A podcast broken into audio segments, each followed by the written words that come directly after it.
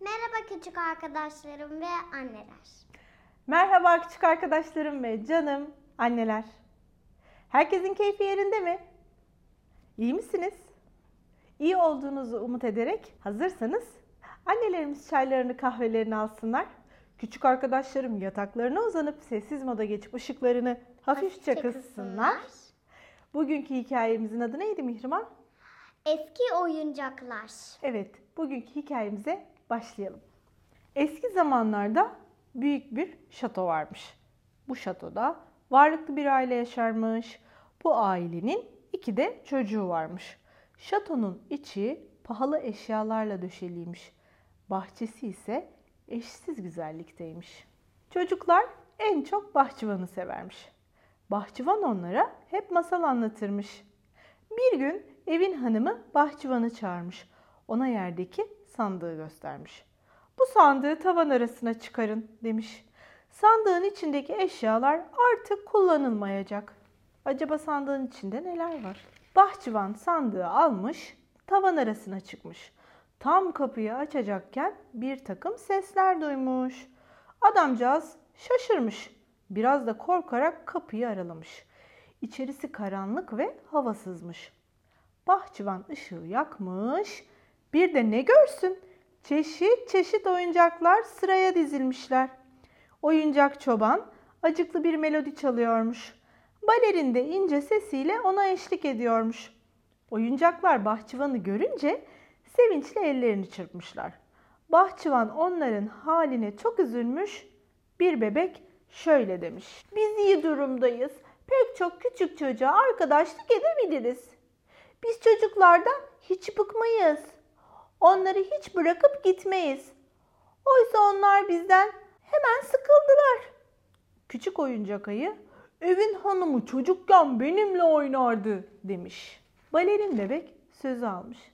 Ben daha pek yeniyim. Ancak benden çok çabuk sıkıldılar. Üç ay önce beni buraya bıraktılar. Bahçıvan getirdiği sandığı açmış. Bunun içinde de evin çocuklarının oyuncakları varmış. Bahçıvan doğruca evin hanımına koşmuş.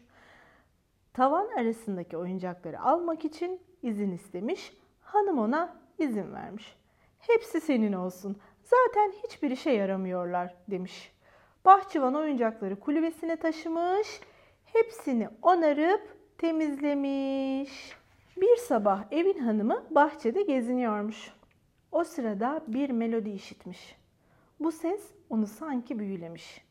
Oyuncak çoban kavalını çalıyormuş. Evin hanımı hemen bahçıvanın kulübesine koşmuş. Oyuncak çoban kadına babasının armağanıymış.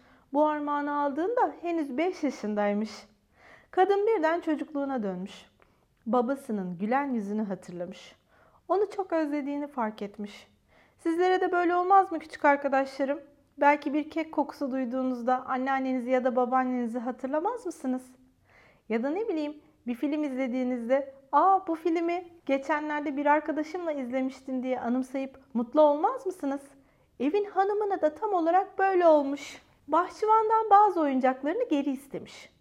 Onları odasına yerleştirmiş. Böylece kaybettiği yakınlarını hatırlıyormuş. Bahçıvan ise çocuklu evleri dolaşmaya başlamış. Evlerinin kapısında oyuncaklarını bulan çocuklar çok seviniyormuş. Oyuncakları kimin getirdiğini bilen yokmuş. Ama bu gizli dost hep sevgiyle anılıyormuş. Eski oyuncaklar çok mutluymuş. Artık pek çok çocuğa arkadaşlık ediyorlarmış. Evet, hepimizin evinde eminim ki çeşit çeşit, renk renk, birbirinden güzel oyuncaklar vardır.